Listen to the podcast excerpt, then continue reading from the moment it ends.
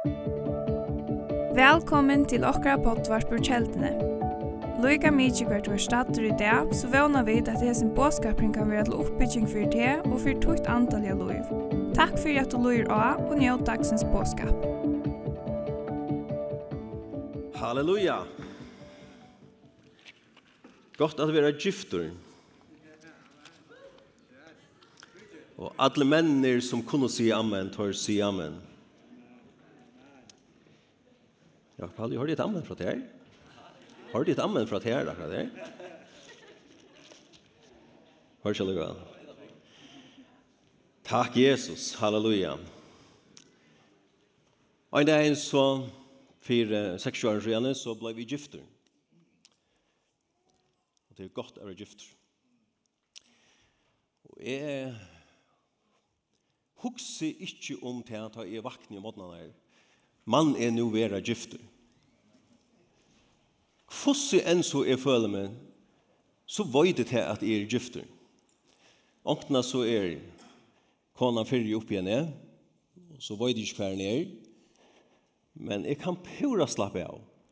Jeg vøyde er gifter. Jeg, om man så kan si at jeg tog imot det, konne kommer en dag for seks år siden, og jeg ble gifter. Amen. For lengt år siden så ble jeg som frelstor. Og jeg vet er frelstor. Halleluja. Og jeg vet at jeg tilhører Jesus. Og det er ikke så løs at jeg vakner opp i min måten her, og at jeg ikke kan skal føle så øyelig godt at jeg blir iverst i min frelstor. Jeg vet er frelstor. Jeg vet jeg tilhører Jesus. Amen. Og jeg husker meg til, vi har akkurat, vi har akkurat sunnet det her at at det er godt at vita. Vi sunger her at det er, hva er det? Det er, vi sunger den sangen, glede sanger, fytler hjertet mot. Det er godt at vita at du elskar meg. Amen. Og så sunger den sangen øsne at, at, at det er godt at vita at du er nær. Så vi da sunger lysen om et her i morgen til at det er godt at vita. Og det er så helt og medelig godt til at vita. Amen til at vita hva Guds år sier, til at vita hva Gud sier om det, at vita hva du er til Kristus, at vita hva Jesus har gjort for det. Amen. Og det er en past vi, vi er her at genga uttrykk og til at liva uttrykk. Bibelen sier vi genga uttrykk, eller liva uttrykk, ikke skoan. Først så i hans, nei, 17. Korint, kapitel 5, i halvdig vers 6-8 her omstans. Vid liva uttrykk, vi ikke skoan. Og det er nekka vi er her å gjøre, er at vi leser Guds ord, vi høyrer Guds ord, vi takker med Guds ord, og vi gautekka, mautekka og gautekka til som Guds ord sier om okken, uttrykk. Amen. Og så kunne det gjerne svinka i lusen tjåkken, du vet. Først kunne vi hava ordelig gaua det er, først minne gaua det er, først ganske enda kjelja det er først, men det er noen ting som vi vita. Og jeg tror at vi vita så gjør det okken støv først andalega. Amen. Halleluja. Og først var det her oppe her på en, det er bare, det er bare iveskriften kommer her i dag. Vi kom her til Rombrau kapitel 5 og versen i 8 og 2. Jeg får ta tåsa ut fra her som baun versen her i dag, for at døyla noen ting her i dag. Men det er ikke lengst leid, Det er bare bare hatter her. Det er Bare for at det skulle ha i iveskriften her for det ikke. Ok? Så det er ordentlig godt hvis, hvis det har en bibel at tid slå opp i meg. Kommer jeg til å vers fram. Takk Jesus. Halleluja. Annars så hei kona som er føringer det her fire. Jeg vet ikke om det kom her. Hun er av VM. Så spurte jeg henne hva hun yngster i føringerskapen. Jo, sier hun. Hun yngster, hun som røyler beskjeden her. Hun, hun yngster en tekning i pers fra bøttene Og så yngste hun at uh, avløpig av vesen og diversen ble rønsa. Der han ikke var nye. Det yngste hun seg fra meg. Og jeg husker meg selv om, ok, det er her som mine kreative evne er, og det er å rønsa avløp. Det er tekning fra bøtten. Vi kvar så er yngste at jeg har haft en bättre talare här uppe än som kunde bättre lagt ut för dig och bättre uppenbara för dig det här som Bibeln säger men i det mode nöjast vi med. Og jeg er ikke tåsa om her her, særlighet her, at vi det rettvis gjørt, vi trygg var Jesus Kristus. Uh, men här som vi kommer nema vi til hese tru tingene her, at vi Jesus, så her var vi finne, eller så er vi rettvis gjørt, vi heva finnje fri, vi god, og er at vi uh, heva vi Jesus finnje ergong til god. Amen. Og Jeg er ikke at døyla, det bare blir så sterkt for meg så sørste tog i dag, jeg sier her bare i versen her, men ikke bare døyla av tog som jeg har finnet her som, jeg vil si at God har givet meg, og gjør den her bare versen her. Amen. Takk Jesus, så kan noen andre kanskje komme at nå og gjøre en ordentlig tekning. Amen. Men uh, Bibelen sier her, rettvis gjørd av trygg, vi heva vi tog nu fri vi god. Vi har okkar Jesus Kristi. Vi honom, vi Jesus, heva vi òsne finnje etgångt og i trunnet lesa nøye som vi standu i. Og vi drøs okkon av vevn om dårdgods. Halleluja. Nu Bibelen sier her, legg mest av Bibelen sier her, rettvis gjørt av trygg. Rettvis gjørt av trygg. Heva vi tøyne og frivi god. Vi er og rettvis gjørt vi trygg av Jesus Kristus. Det er ikke noe som kommer hendt om en tog. Det er ikke noe som du øynest kommer oppleve ein dag til du kommer til himmelen. Det er noe som du erst nå vi trunja Jesus Kristus. Fra tog løtene tu møtag Jesus som din herre og frelsara, så blåst du rettvis gjørdur eller rettvis gjørd. Amen. Amen. Det er ikke en prosess i tunn løyve. Det er ikke en menning eller tilgång i tunn løyve. Det er ikke noe som du vekser i som en kristen. Det er å bli rettvis gjørdur. Du blir rettvis gjørdur ui tog løtene til tro i Jesus. Bibelen sier her rettvis gjørd av trygg. Amen. Rettvis gjørd av trygg. Det hendte ui tog løtene til tog imot Jesusen. Rettvisen fra Gud er en gava til tøynemoen. Det er givet i okken som en gava til tøyne munn. Og i mån til, tar vi lesa med landa Galatia Galaterbrev kapitel 5, så leser vi her om, eh, om eh, andans frukter, andans avvøkst. Her leser vi med et om kærløyga, glede, fri, lenkmå, mildløyga og alt det der. Det er frukter i okkar løyve som kunne veksa. Kærløygen, som god har lagt ned i okkar, og til løyte vi blir frelstøysene, han kan växa i våra liv. Han frukten kan växa. Glädje kan växa i våra liv. Frigjord kan växa i våra liv. Det är som, det är som, det är som frukt som kan bonas och växa i våra liv. Men det här ger rättvisen inte. Rättvisen Guds är inte en frukt som bonas och växer i våra liv. Hon är en gava som är given till här och mer. Og du er ikke mer rettvis Guds, eller rettvis gjørtur, tan det er du kommer til himmels, enn hva du er just nå. Men det er sånne folk allikevel som strujas av sin nå. Det er sånne folk som strujas ved fordøming. Det er sånne folk som strujas ved at liva opp til et eller annet. At, at røyna at komme inn i en rette støv vi god. Her man strujas vi... Uh, ja, man strujas vi sånne ting i sin liv. Og man, for, man, man har fordøming av sånne ting i sin liv. Og man heldur til, man, man gonger vi i seg her uimyndene i sin høtte på en eller annen måte, er at jeg skal gjøre noen ting. Jeg skal strøyast vi å halda noen bo, jeg skal strøyast vi å gjøre noen ting, Fyre er at kunna liva upp til åtta andra som Gud har avsett. Fyre er god kan elska meg. Fyre er god kan, fyre er jeg kan takna gode. Fyre er at jeg kan høyra fra Gud. og fyre er god kan høyra mina bønner. Og det er sånne folk som jeg har en verhoan av som strujas av sin øsken her men Bibelen sier rettvis gjørt av trygg. Her var vi nu fri vi god. Her var vi nu fri vi god. Amen. Halleluja. Det er nærkast som du har og ui til løten til å ta med Jesus. Rettvis gjering, ta mestjer, at du er kommet inn i en retta støv vi god. Man kan sagt en gaua og en retta støv vi god. Men ta mestjer at du er kommet inn i en retta støv vi god her du stendur i for gode, ikkje som en syndare, ikkje som en sekur, euratvisur, syndar i for gode, men som rattvis i hans herre, som en rattvisur, røntsavur og rattvisur og høylavur og i Kristus. Det er for rattvis gjørdur, det er mest til at du kan standa i Guds nærværo som om det er to omgang til avur, hever gjørst øyna til øyna så sind. Halleluja. Jeg halde for å prøve å si at det er øyne fra treet. At vi er rettvis gjørter, det er mestjer at du kan standa i Guds nærvero, som om er at du omgang til av hvor hever gjørst øyne til øyne så synd og i tøyne løyve. Så kraftfullt er Jesu blå. Så kraftfullt er det verste som Gud gjør det for til vi Jesus i Golgata. Ta Jesus vi sunnum blåe rattvis gjør det til. Rattvisgjeringen er tvei ting, kan vi si. Rattvisgjeringen er i fyrsta leie til at god rattvisgjer okkon av Golgata, vi krossnon, vi Jesu blåe, og vi sunnum nøye.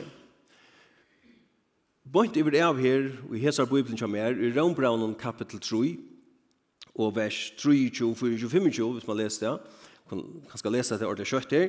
Her sier Bibelen til at ødel heva synda, og så sier han, og tøy må fatta stort gods. Og så sier han, og tei vera rattviskjørt. Amen. Og tei vera rattviskjørt. Før i tei, ødel som heva synda. Det vil si, lorsnen er han sema fyrir öll mennesker, fyrir öll som hava synda, hever god give hesa her lorsnena, til er ein lorsn til Jesus Kristus. Det er ikke alle navn under himmelig give med mennesker som er frelst vi enn navnet Jesus. God gav okkun eina lorsn. Han lorsn er Jesus. Öll hava synda og tei vera. Tei vera. Tei vera rattvustgjörd fyrir ikke av nage hansara, Vi endur løysingene som er Kristi Jesu, honom som godur sett fram, eh, som nægjestøl vi trygg av blåansere. Så rettvisgjeringen er nekka som god i fyrsta leie suverent gjer vi Jesus i Golgata.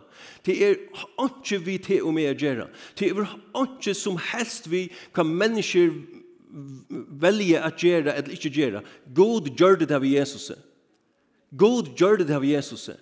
Han gav sånn sånn, han gav Jesus. Jesus gjør det til som ingen annan kunne gjøre for dere, og Jesus gjør det til som loven ikke kunne gjøre for dere. Han tog synder dere, han tog døm dere, og han tog refsingene for alle dere synder. For hver at du øyneste øyne synd, tog Jesus refsingene. Og Bibelen sier at vi hans er blå, uh, her vi finner rettvis. Halleluja. Halleluja. Det er som om til at ødel mennesker, og til at ødel mennesker standa for gode, framan for gode. Fra til første menneskene av Adam, og til til sørste mennesker som kommer av livet. Ødel mennesker standa her framan for gode. Alle hessar milliardene av mennesker. Og vi er alle sek for gode. Alle er syndere, alle er fattelen, alle er sek for honom. Og det er ånden som kan betala syndene til mennesken. Det er ånden som kan betala til skuld som ligger av mennesken. Men så sender Gud sånn sønn. Og så kommer Jesus inn som et menneske. Han kommer inn i heimen. Og Isaias sier det her, hvis vi får lykke til Isaias kapitel 3 alt rus. Isaias kapitel 3 alt. Halleluja. Så sier han det her at i vers 6. Han sier at vi vilt oss ødel en løy som sier, vi vender åkken hver sin ved, og så sier han, men Herren let fatla av han, skyldene og i la av åkken ødelen. God let fatla av Jesus skyldene og i la av åkken ødelen. Jesus tog okkar skuld. Han tog okkar synder. Han tog okkar døm. Han var gjørdur til synd for okkar, sier Bibelen. Og tøy, er og tøy at han gjør det til ham. Vi er i 8. Rønbraun kapitel 3, 4, 5 her, kapitel 3. Så sier Rombraun kapitel 3 her at er og tøy, så kunde god være rattvisser og rattvisser til han som er trygg av Jesus. Amen. Jeg og tog kunne god være rettvis, rettvis han som er trygg av Jesus. Så er det god, er en høylar og god, og en rettvis og Gud. Så god kunne ikke bæra sudje mittel fingrene vi okkara synd. God måtte døme okkara synd. Men Bibelen sier til at Gud dømte Jesus i akkurat sted. Vi blir jo faktisk ødel dømt av Golgata. Men dømeren kom i Jesus. Jesus tog refsingen av fire åkken. Men det var akkurat synder som han bær. Amen. Det var akkurat synder, det var akkurat misbrott som han bær. Han ble dømt her i akkurat misbrott, akkurat synden. Rombrau i 8 sier det her. Rombrau i 8 kapel 8, et kjent vers sier det her, så er nu ånden fordøming for de som er Kristi Jesu gjør. Så er nu ånden fordøming for de som er Kristi Jesu gjør. Men hva er ånden fordøming for de som er Kristi Jesu gjør? Hva er ånden fordøming for de som er Kristi Jesu gjør? Det er til Jesus tog dømen. Det er til Jesus vær dømtor og i akkurat stedet. Tui er ungen fordøming for deg som er Kristi Jesu er. Amen. Tui kanst tu standa rattvis gjørdu for gode.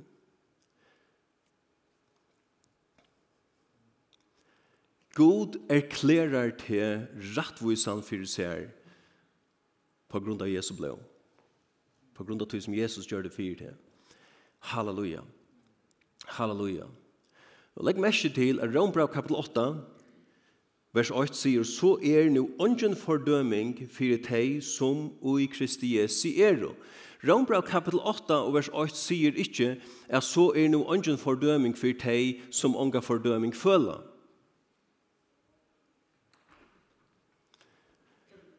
Men så her stod til er, vi kunne, for, vi kunne føle fordøming i vår bæg i 8 og anna. Du er ikke for en kaffe i det, for fordøming. Fordøming. Vi kunne ha ringa samvisko i at møl, ja, oh, det er slengt seg av vidjande personen. Jeg synes ringa samvisko i tog. Og til ikke her at vi skulle bli lykka sel om, om hese tingene i okra løyve. Det er ikke det som er tås om her i dag. Men tremoner av tog, og så heter her vi at du konstant gonger og fordømer til sjølva. Som er folk, det er strujas virkelig vi fordøming. Det og vi er en kjensla av fordøming. Men det er godt at vita at du elskar meg. Amen. Det er godt at vita at du erst meg nær. Det er godt at vita at du hever rettvistgjørt meg. Det er godt at vita at du hever rannsa meg. Det er godt at vita som vi synsja. Amen. God vil at du skal vita. Og det er en av den største, fremste likjelen til å bli sett du frihøyt fra fordøming. Det er er at vita, og til er at suttje hettar, er at du er rattvisgjørdur i Kristi Jesu, vi hans rablaue. Så er det noe ikke fordøming for det som Kristi Jesu er, og så er det ikke en spurninger om hva du føler, det er en spurninger om hva du erst, og hva du erst andalega. Det er ikke fordøming for det som i Kristi Jesu er. Amen. Halleluja. Erst du i Kristi Jesu, så er ikke en fordøming. Amen God stender ikke vi en pøygefinger etter. Han stender ikke og, og lukka som klarer til å slå til, eller kritisere til, eller trusta til nyer, og så videre. Nei. Han hever fullkomlig sett i frihøyd. Han hever fullkomlig rønsa til og rassus rattuskjørt til. Takk, Jesus. 17 Korint, kapitel 5, vers 1, og er kjent vers som sier at at han som kjente ikke synd gjør det han til synd for jokken for jeg vet ui hånden skal være rettvise gods så ui Kristi Jesu dette var endamal vi krossen Det var høvus endamal vi at Jesus døg. Det er for at to, for at Jesus skulle være gjørt til synd, ikke vi synere synd, til han heier synda. Han var gjørt til synd, vi okkara synd, Fyre er at vi og i hånden skulle være rettvis gods. Så vi gjør noen, av krossen tog Jesus okkara synder av seg, og han gav okkon syna rettvise. Og så er det ta ut her, hekta gonger opp for okkon, er at jeg har møtidje Jesu rettvise. Vi har ikke sagt det her, og det er kanskje sjokkerer folk i sida. Men i Kristus så er det lika rettviser som Jesus sjálfur i for gode er du lika rattvisor som Jesus sjálfur. Ikke vegna tøyne versk, ikke i tøyne gjeron, men ui tøyne støv og i for gode. Kvoi? Tøy du finnje hans er rattvis. Du stendur ui Guds nærvero og i hans er rattvis. Halleluja! Og det setter meg fullkomne frøyder. Jeg vet ikke hvordan vi tikkum, men det fer meg virkelig til å jubla og prysa gode. Halleluja! Jeg er frujur. Jeg er fullkomlig frujur fra synd. Jeg er fullkomlig setter frujhøyd fra, fra atler og rattvise, fra atler synd, fra atler skam, fra atlen tøy som helt med nirre, fra atlen tam og lantje som, som bonde med. Jeg er fullkomlig setter frujhøyd. Jeg er rattvise gjør det ved Jesu blåe. Og i Kristus i har vi finnes hans rattvise. Jeg kan standa fyrir gode som om til at jeg omgant i over heve synda. Sjalt om jeg hei synda, jeg vær sikker, men Jesus tog da bostur. Men er fruer, jeg er rettviskjørter.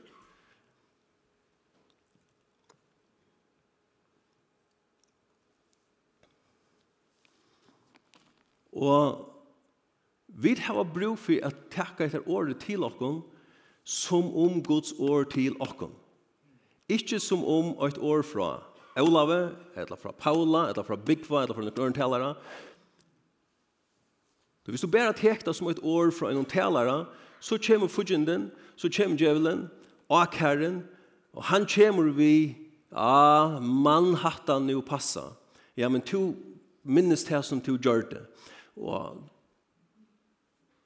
ja, han, han vil minne deg gjennom dine forskjell. Han vil minne deg alt det skøyvet du gjør det. Tøyne feiltrinn to vil nøytter til er teka Guds ord til din uttrykk som om til at det er Gud sjolver som talar vi til. At det er Guds ord til din. Amen. Ta setta i frihøyd.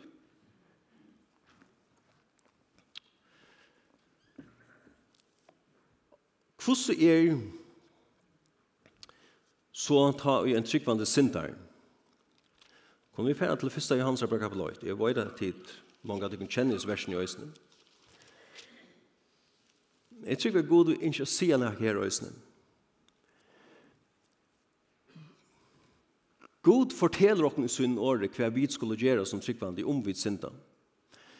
Først i hans brev, kapitel 2 og vers 8, her sier Bibelen så at bøttmøyene hette skrivet i tikkum for at de skulle ikke sinta. Men om onkur syndar, her har vi talsmann av ferien Jesus Kristus i rettvis. Og sen sier vers 8, om onkur syndar, skulle det ha hetse er at onkur er av tikkun syndar.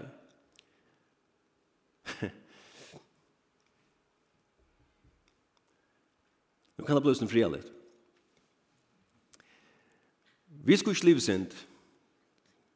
Vi, vi kunne leve et liv i sikre iver synd. Amen. Amen.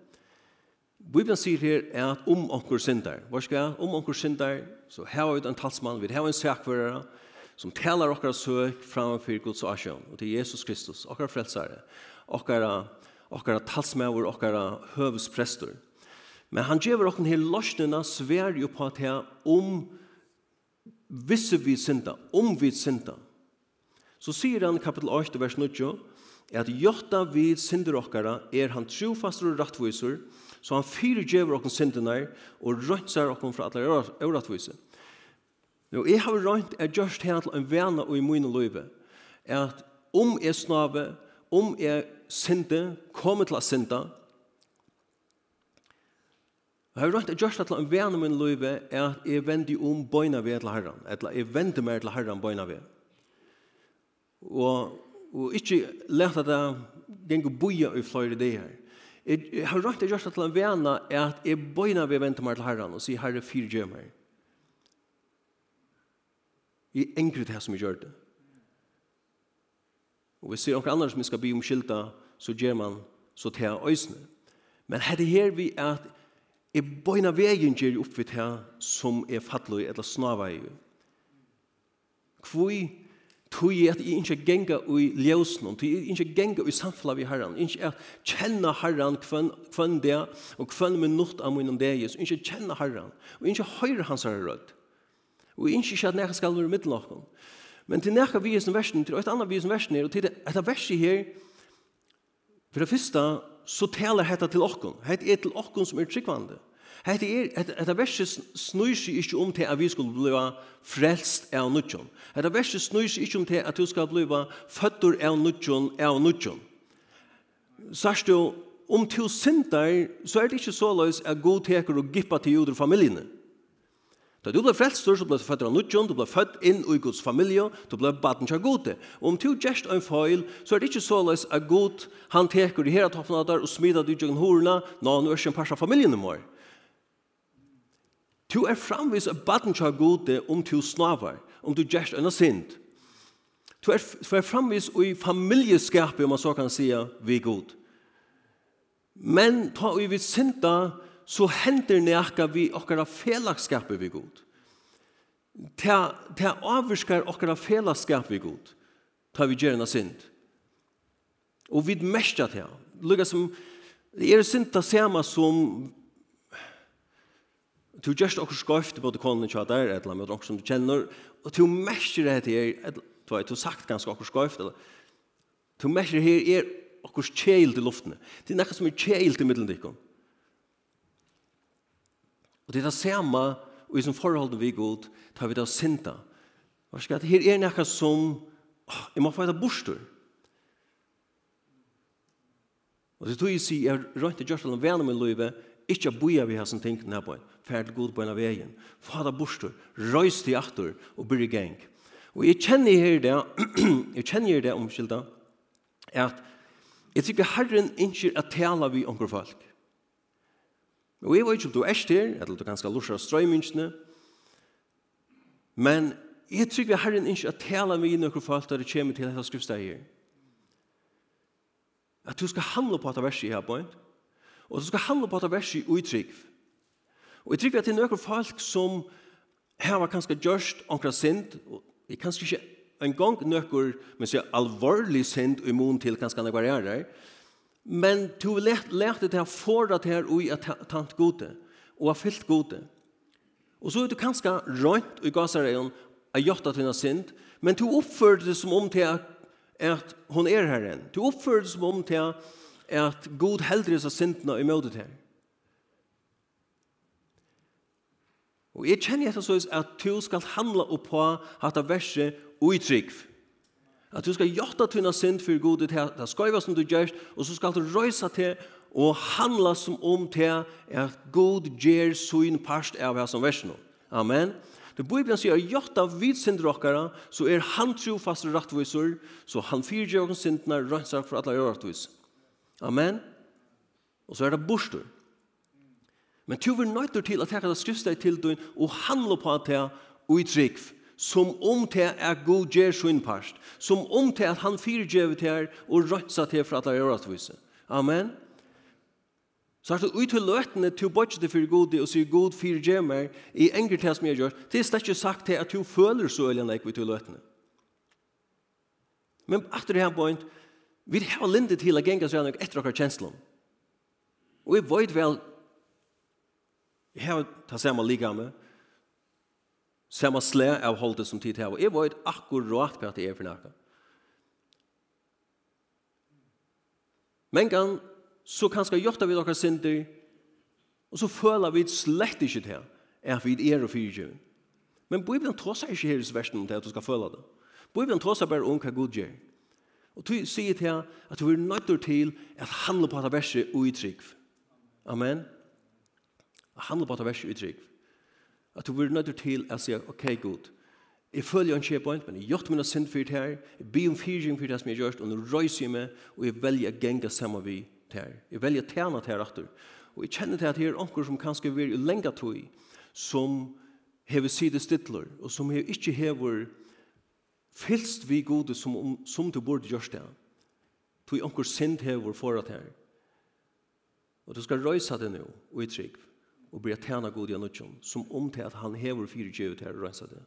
Amen. Og ikke bla ve litt her og gremja de om til å skoiva som du gjør det. Det er ikke god. Det er god hei til trust honom, det er du handlar i trygg og bansar år. Amen. Lui er kanskje sin kontanter her i morgen, men... Halleluja. Men god er gauur. Det er nok, så er det nøkker folk som er i en av verre støven hattar. Og det er folk som er jo enda i, i bitterhøyt, i borskløyga. Og vi har jo sånn kjent det her, men jeg har fire argument til det. Jeg har bare kjent det her mynt med å at si det her. Borskløyge for meg er en verre synd enn nekvar er av synder. Tui trubløyge vi borskløyge er til at man vil, vil ikke faktisk virkjenne at det er en synd. Man vil ikke virkjenne til at man hever gjørst en feil, og at man er i at man er i en skøyvare støvum. Man vil ikke virkjenne det. Ja, men hei to bare vita hva hæsen personen gjør det med dem her, eller hva hæsen personen sier. Og ikke skal komme og se mer nækka, og ikke komme og lære mer nækka. Men du bare vita hva i hæsen personen sier vi med. Og så ble man skuffa over, så ble man fornærma over. Og så utvikla det seg til en borsklag i løven. Og du skal ikke komme og fortelle meg det. Man heldre man hever rett. Man, man, man helder så fast på at man har rett, og så har man gong man i totalen andelige myskelklenda. Og jeg kjenner folk som er i støven her. De kom og møtte omkring dagen, og omkring andre vil de ikke holde på deg. Og tro på det vi akkurat sånn her som sier nå, det er at de faktisk er slik møte som regel. Men skulle du være her, eller skulle du hørse meg, så vågner jeg at jeg kan søke inn til hjertet, det som, det som er så halsende som er bedre her i det, at God ikke at noe til, du god elsker til. Han ikke er røkk inn til hjertet til, han elsker til. Han ikke er for samfunnet vi til. Men så er det jo, onkur helsa ikke på meg, ja. Og jeg ble så skuffet over om det. Og nå tog jeg meg altså ikke snakke vi meg. Og så enda det vi i morske at jeg, jeg er ferdig, altså ikke har møtt. Jeg, jeg tror ikke jeg har møtt som jeg snabber, her som jeg snabber som ganger møtt. Og så sitter man en, til enten høyma i sin sofa og fyrir ikke møte. Man sitter her skuffa over. Og viknar blei til manar, manar blei til år. Og så man sitter her fem, tjei, tutsi år til enten. Tui er at øyn ikke holdt seg på meg. Tid, jeg kjenner folk som er i hans støvn i det. Og om to skulle vi en slik støv, og om to høyre meg her i det, så er min hjertelig avhøyde han tog inn, til å vente der til herren, og til å kattle han, så er mye til for han, og til å be han om fyrtjøving om nøye, og at jeg til borster. Og han vil komme, og han vil rensa til, og han vil fyrtjøve til. Amen. Halleluja. Halleluja. Rombrau kapitel 5 sier at rattvistgjørt er trygg vi heva vi tog no fri vi god, vi har akkurat Jesus Kristus. Halleluja. Vi heva finnes fri vi god. Vi kom inn og støv vi god her, her og i ødel konflikt, all strui, all futjenskaper i tidsen bostor. Og vi heva finnes en fullkomna harmoni og fullkomna fri vi god. Amen. Efsos brev kapitel 2 sier Efesus brev kapitel 2, vers 15 halvdje, sier såleis, at ehm en vers han sier, tog han, altså Jesus, er frigjør okkara. Han som gjør de åtta bavon og breid nior middlengæren skilte sundur, fudgenskapen. Jesus drep fudgenskapen vid krossen, vid sunn og. Han tog henda middlengæren, han breid henda middlengæren nio som skilte okkom fra gode. Det er verkligen noen åndsje som forar til her og i at jeg var samfla ved Gud. Jeg kjenner Gud, jeg har personlig samband og samfunnet ved han. Og Gud innskjer til her, Gud bjøver til her, han kallar og han ønsakken av henne, jeg kom inn her til å leve sammen ved honom. Men vi lærte vi først andre ting for oss. Vi lærte vi først andre ting. Hindre oss i å komme til Gud. Men Gud tog alt bort. Jesus tog alt bort. Vi sunne blået. Han er frier råkere. Jesus er frier okkar. Han gjør det fri. Det er den største frieren som alt hvert menneske kan få. Halleluja. Jesus sier, la kan lykke færa til Johannes kapitel, kapitel 14. Som en Guds spaden, som en tryggvande, så det finnes fri vi god. Amen. Og det er mest at det blir en satt vi god. Det var en fudgenskaper og æren i middelen okkene god. Og det var ikke tog at Gud var fudgjende i okkara, det var tog at vi var i okkara sinnaleie fudgjende Guds. På grunn av okkara sinton. Men Gud innsi ikke at det er som fudgjenskapen skulle være, så han sendte Jesus, som vi da tog oss om, og Jesus vi sin krosset tog henda fudgjenskapen bostur, som vi er med lakken. Han tog oss av sinton av bostur. Og vegna til at han tog henda fudgjenskapen bostur, så er vi ikke bare blitt satt ved god, men vi er kommet inn i forhold ved god, her vi kunne være viner gods enda. Amen. Halleluja. Og det er helt avmetelig størst. Men Jesus sier så her i Johannes kapitel 1, vers 6, her sier han, fri lærte jeg deg etter. Fri moin djevi etikken. Ikke, ikke som høymeren djever djevi etikken. Hjertet ikke er øktes ikke, og missi ikke møte. Så Jesus gav okken en fri en fri som heimeren ikke kan gjeva. Og så heimeren ikke gjelder enn frien, så kan heimeren helst ta henne frien fra til. Og heimeren kan avrekva henne frien, at han kan bli avrekva over, vi til at vi blir stora for alle mulige ting.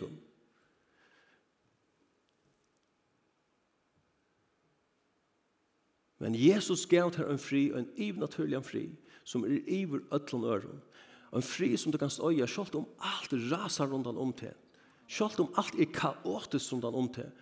Og du ikke har svær på endelig hvordan du skal løse alle troblager rundt om til. Så har Jesus givet her en fri og i til hjerte. Og han sier øttast ikke. Øttast ikke. Det er en goddomlig frier, en himmelsk fri. Amen. Det er en fri som vi øyer som tryggvande. Og hvis du kjenner til i tunne hjerte, og kanskje er hett at langt øyne, hvis du kjenner det så løs at du strøyest vi en ofri, og et eureg, og økta, Bibelen sier stor i ångon 4, Filippra kapitel 4, vers 6. Stor i ångon 4, men let jo ødlom til som ditt ikke kommer fram, fyr i herran i akadlan, og vi bøn og tøk, sier han. Og så sier han, så skal frigjør gods, som styrer på om alt vid. Var var det? Hoksan og Gjørstikker Kristi Amen. ångtuna, så er det så einfalt som det er at vi kommer til herren og sier, herre, åh, jeg, har, jeg har sett min fokus av høymen, jeg har sett min fokus av alle trobløkene her.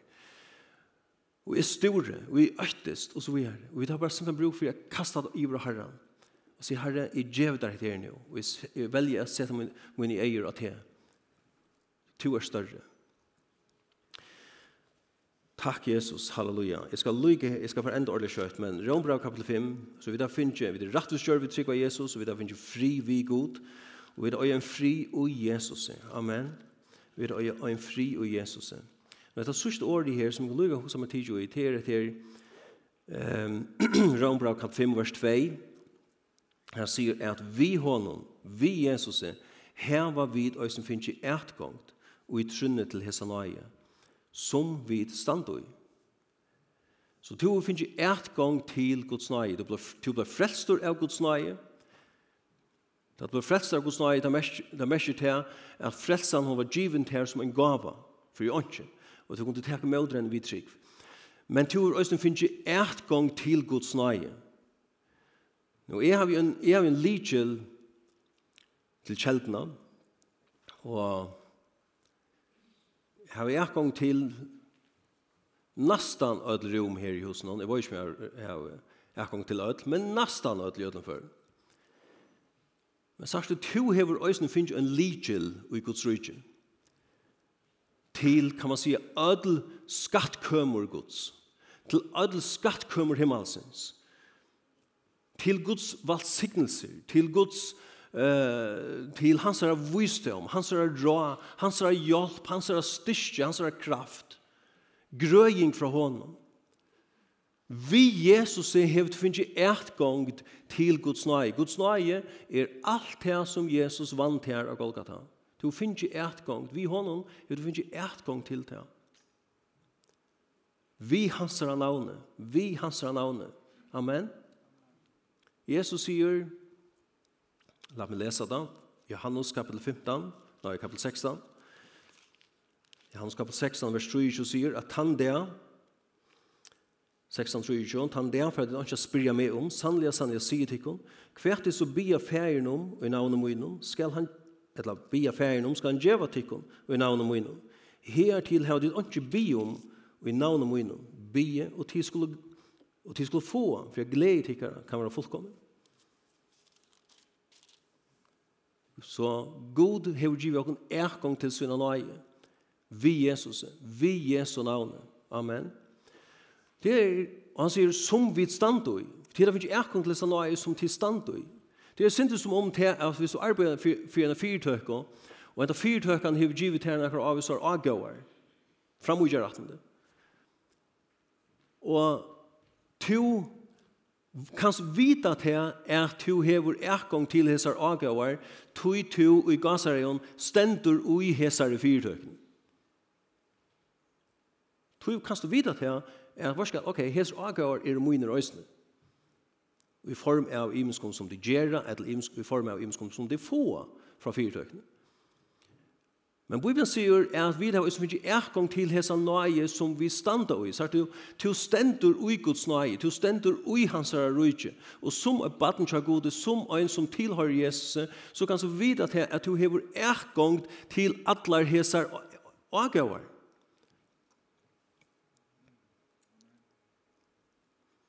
Ta tilhører til langt. Til langt og tog Halleluja. Halleluja.